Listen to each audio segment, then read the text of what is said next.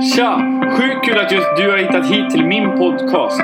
Jag heter Alexander Moberg och jag är ungdomspastor i Kristet Center Götene. Och denne man som jag kommer tala om, Jesus Kristus, har förvandlat mitt liv och jag vet att han kan förvandla ditt liv också. Om du bara sitter med ett öppet hjärta och förväntar dig något så kommer du få ta emot det, jag lovar.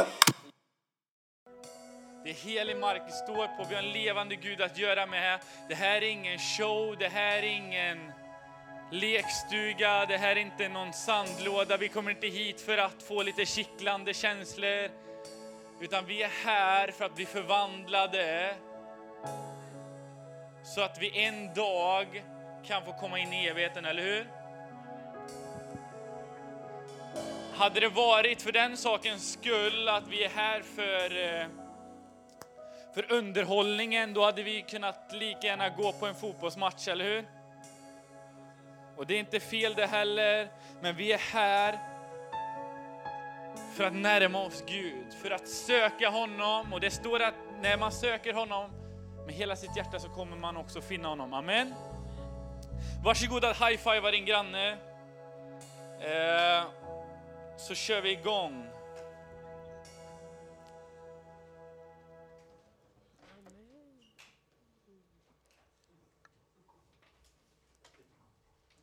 Jag tänkte att eh, jag skulle ta på mig den här t-shirten idag. Jag ser inte riktigt vad som står jättetydligt, eh, men jag har kollat upp det. Det står Reach out and touch faith. Alla säger faith. Alla säger faith. Tro. Alla säger tro. Det är lite enklare. Eh, det engelska eh, ordet faith är lite svårt att uttala, precis som youth med Theo. De äldre har en tendens att säga youth. Faith. Faith. faith. Lite svårt. Eh, men jag ska predika för idag om tro. Alla säger tro. Alla säger faith. Då vet ni vad jag ska predika om. Eh, jag tänker så här att den här kvällen, syftet med den här kvällen utifrån vad jag tror Gud har lagt ner i mitt hjärta, det är så här att han vill ge dig en dos utav tro. Amen. Är det någon som behöver tro idag, räck upp en hand. Är det någon som känner att man kanske sitter i en svår situation eller det är jobbigt just nu eller whatever it is, känner att ni behöver lite tro. Ni behöver något som bär er igenom den situationen ni är i just nu. Räck upp en hand om det är du jag predikar till. Bra! Då predikar jag till rätt folk. Det är härligt. Vi ska vara en trosförsamling. Eh, fyllda av människor som går med Gud och vandrar i tro. Amen. När människor ser på oss så vill jag att de ska se tron i våra hjärtan. Häng med mig till ett bibelord. Alla tar upp sina biblar. Om din bibel lyser så är det ingen bibel. Men i alla fall. Hebreerbrevet kapitel 11 ska vi dyka in i.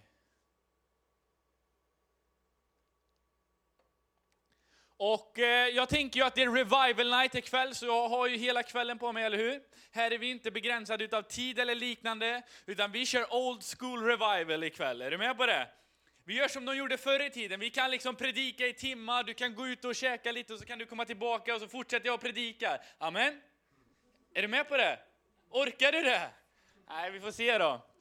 Men det var i alla fall old school revival. Det var liksom när mötena aldrig kan sluta. Predikaren kan stå här framme och bara puff, puff, puff i flera timmar. Folket är så hungriga. Är du hungrig ikväll? Räck upp en hand. Bra. Då har jag ju lite att arbeta med. Det är underbart. Eh, men i alla fall, Hebreerbrevet kapitel 11. Vi dyker in lite i 10 och lite i 12. Bara så att du förstår kontexten. Eh, vad författaren vill få ut med denna del. Vi kan läsa i 10 och eh, 26. Det här är radikala bibelverser. Jag ska inte läsa allting, men häng med mig lite här. 10 och 26, då står det så här. Det här är innan kapitel 11 som är liksom the main part. Men om vi syndar med vett och vilja sedan vi har fått kunskap om sanningen finns det inte längre något offer för synder utan en fruktansvärd väntan på domen och en förtärande eld som ska uppsluka motståndarna. Och lyssna nu här. Nu dyker vi vidare, bläddrar vidare till vers 20, eh, nej, 32. Kom ihåg den första tiden då ljuset kom till er. Ni fick utstå en hård kamp och mycket lidande. Somliga utsattes för offentligt åtlöje och blev hånade och plågade. Och andra stod vid sida vid sida med de som behandlades så. Och så hoppar vi till vers 35. Kasta därför inte bort eran frimodighet som ger en stor lön. Ni behöver uthållighet för att göra Guds vilja och få vad han har lovat. Är du med mig redan där? Vi, vi vill ju få det som Gud har lovat, eller hur? Vi får absolut inte kasta bort våran frimodighet. Och hur ska vi då kunna praktisera frimodighet? Jo, vi behöver tro. Vi behöver en tro för att faktiskt våga sträcka ut oss till människorna på andra sidan gatan, eller hur? Och i alla fall, nu dyker vi in i huvuddelen. Och det är alltså 40 verser i kapitel 11. Och 21 verser i det här kapitlet står ordet tron eller tro. Mer än hälften av kapitel 11 står det i tron framför allt och genom tron.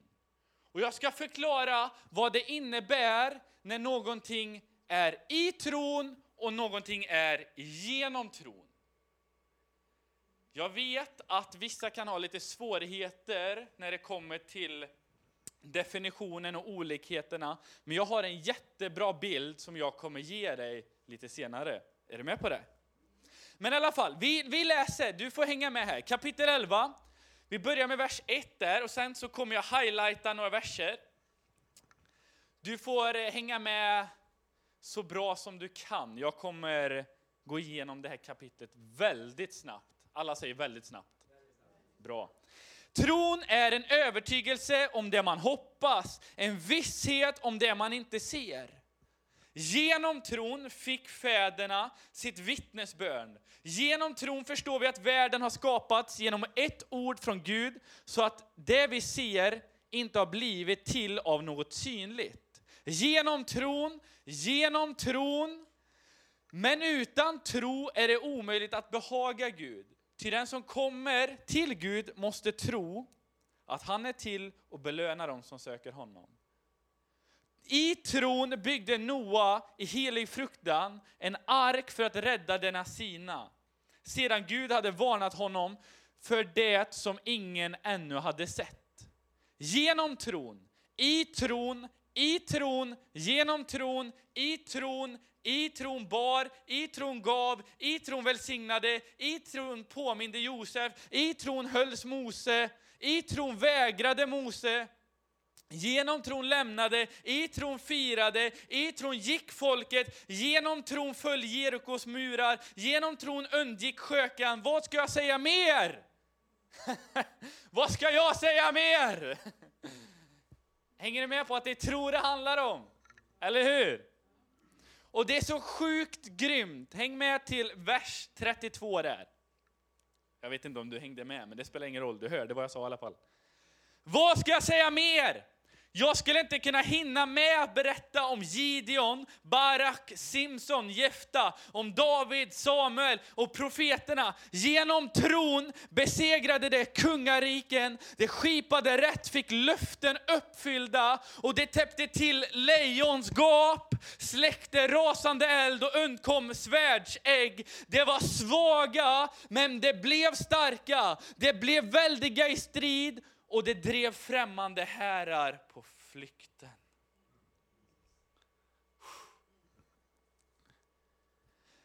Och så går vi till vers 40. Ty Gud har förbestämt något bättre åt oss. Först tillsammans med oss, att det ska nå målet. Och så ska jag avsluta här i kapitel 12 och vers 1 och 2. När vi alltså har en så stor sky av vittnen omkring oss, låt oss då lägga bort allt som tynger, särskilt synden som snärjer oss så hårt, och löpa uthålligt i det lopp som vi har framför oss. Vad var det jag sa i vers, eller i kapitel 10? När vi syndar med vett och vilja, då är det något som är allvarligt. Och det är precis det han säger här igen. Låt oss då lägga bort synden som snärjer oss som så hårt och löpa uthålligt i det lopp som vi har framför oss. Och låt oss ha blicken fäst på Jesus, lyssna nu, trons upphovsman och fullkomnare, som istället för den glädje som låg framför honom utstod korsets lidande utan att bry sig om skammen och som nu sitter på Fader Gud högra sida. Amen. Amen. Tro är något som vi behöver. Och det han försöker säga här, det är så här att, hej! Glid inte av, fall inte av, sluta inte, lägg inte liksom hjälmen på hyllan eller kasta inte in handduken. Kämpa lite till. Den församlingen som hade fått möta Jesus i den kontexten, de höll på att falla tillbaka till de judiska stadgarna. De hade mött Jesus, de hade sett sin frälsare, men sen så gick det en tid och de började liksom bli påverkade av andra människor och liksom han som skrev Hebreerbrevet, jag vet inte vem det är, teologerna tvistar lite om det. Men den som skrev Hebreerbrevet, låt säga att det är Paulus. Han ville säga till de som hade sett Jesus med egna ögon för, han, för vem han var. Han ville säga till dem, hej ni har ju till och med sett Jesus.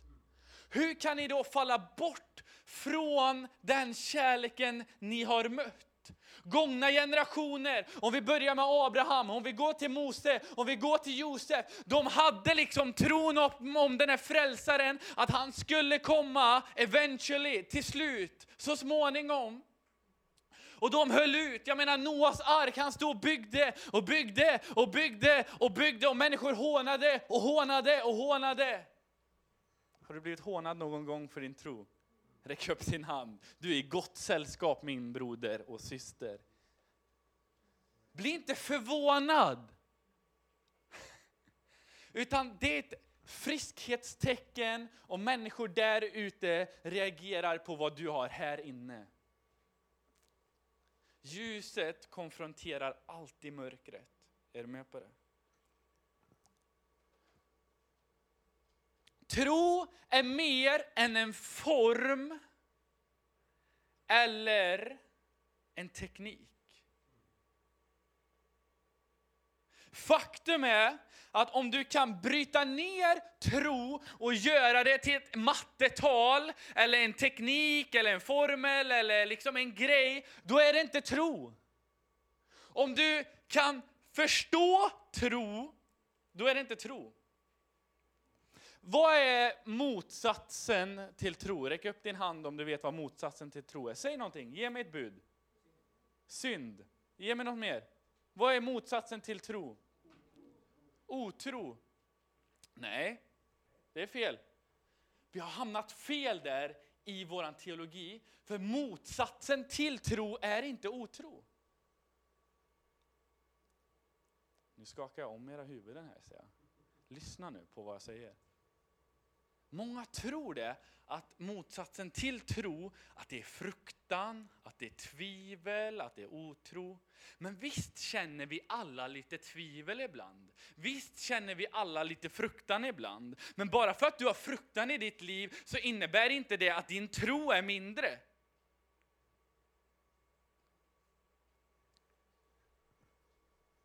Motsatsen till tro, det är visshet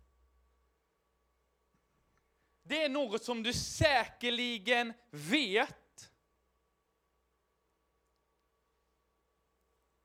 Motsatsen till tro, det är när du har allting i ordning.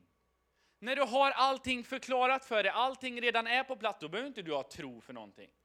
Eller?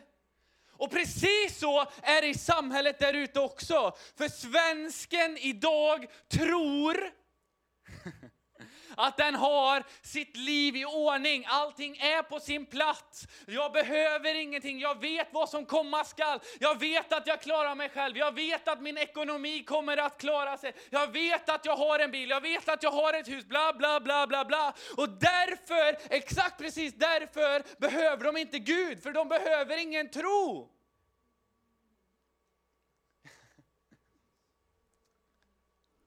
Är jag lite arg eller?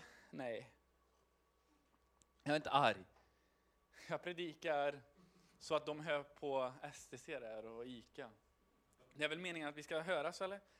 Så jag tar i lite. Men motsatsen till tro, det är när du vet allting redan. En visshet.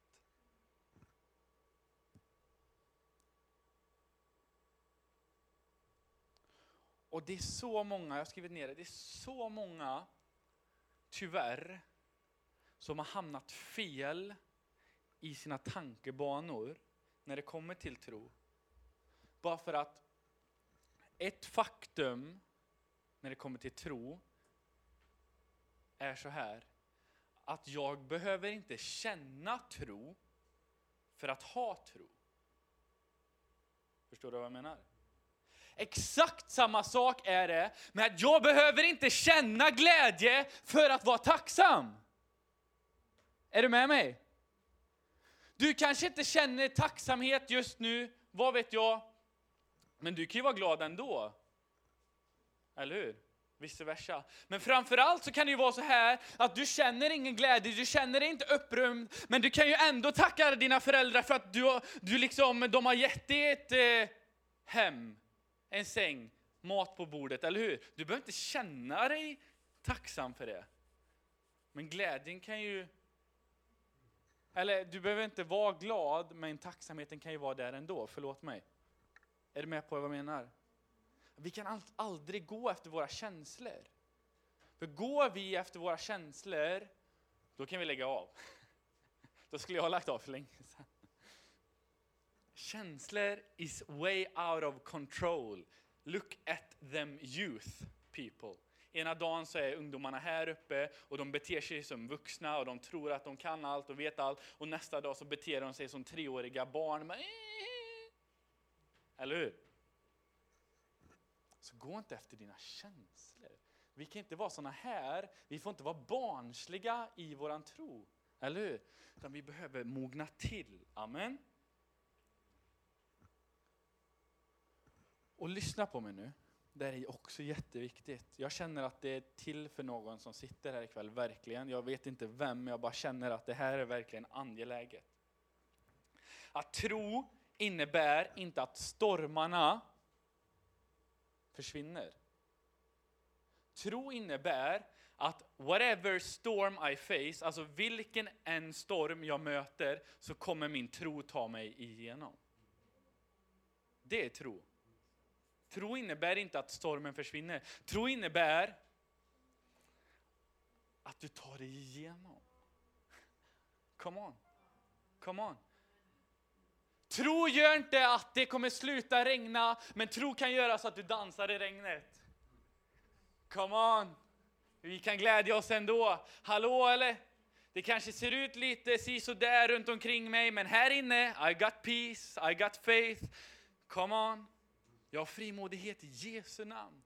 Det kanske är liksom kaos runt omkring mig. Det är liksom klassrumssituationer, ute på rasten, på liksom träningen, whatever. Det kanske är massa saker, folk snackar, det är liksom oroligt. Men jag har frimodighet på min insida. Det kanske är lite stelt på utsidan. Vi bor i Sverige, det är svenskar vi har att göra med oftast. Och de kan vara lite stela, men jag har Gud på insidan och han är allt annat än stel. Han förmår att göra långt mer än vad vi ber eller till och med tänker, eller hur?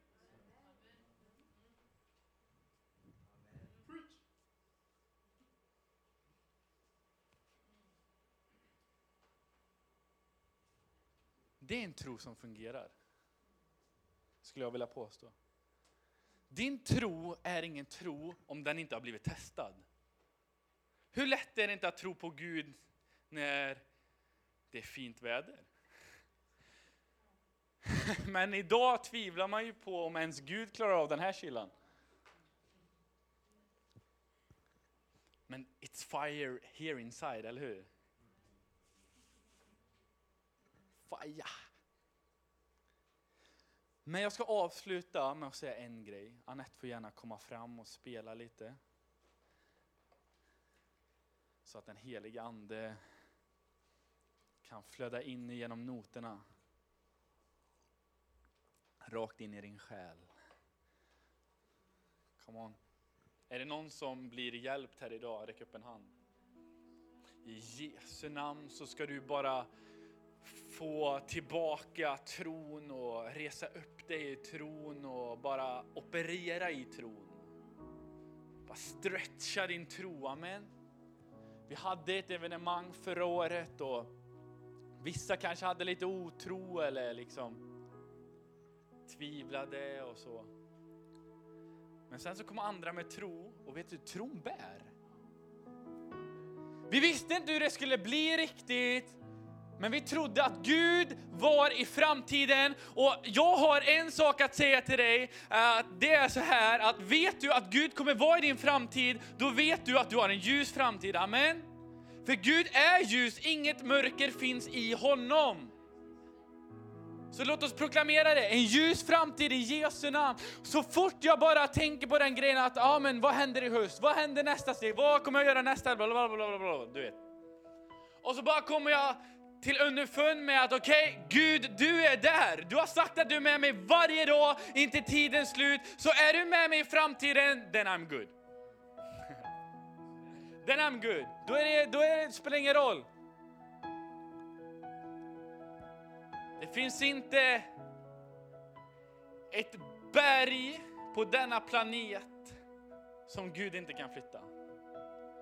Och det här är en nyckel för dig. Lyssna, lyssna.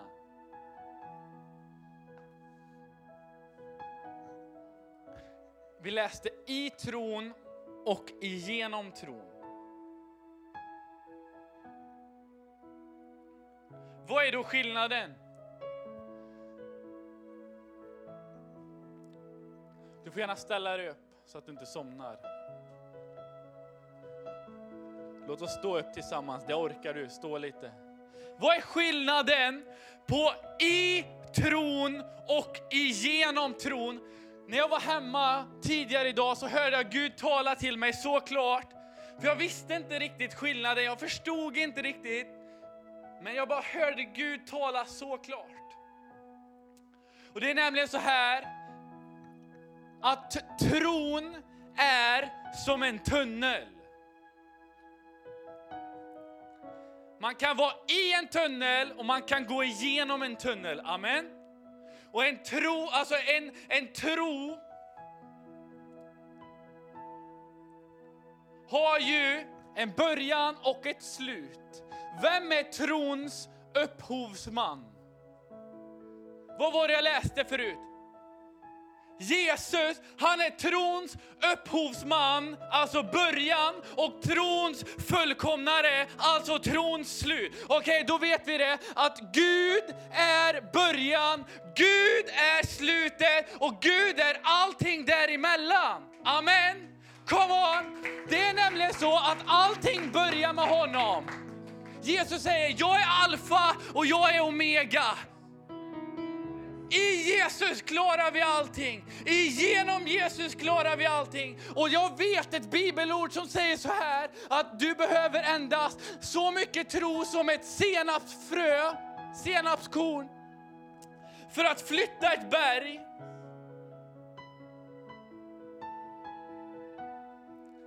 Men jag har hittat på en annan teori. Jag har sett en annan vinkel på det hela.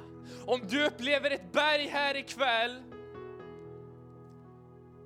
om du upplever ett berg framför dig just nu här ikväll, då är faktum så här att du, du kanske tänker så här, ja men Gud, du säger i ditt ord att man behöver bara tro lika stort som ett senapskorn, men jag ser inte en förändring. Jag ser inget berg som flyttar sig. Varför Gud? Har jag för lite tro? Men då är jag här för att säga till dig att din tro från och med idag kan vara en tunnel så om du inte har så mycket tro som krävs för att flytta på ditt berg, låt oss då använda oss utav den bilden som att tron är en tunnel. Och vart finns det tunnlar? Jo, i berg. Come on church, i berg. Vart finns det tunnlar? Jo, i berg. Från bergets början till bergets slut så är det en tunnel rakt igenom som för dig från ena sidan till den andra. Och exakt så är det. Så oavsett, du kan inte skylla på att du har för lite tro. Bara för att om det nu är så att du har för lite tro, låt mig då säga det en gång till. Om du har tro överhuvudtaget och är i den och går igenom den så kommer du komma till andra sidan av ditt berg. Ge Jesus en stor applåd.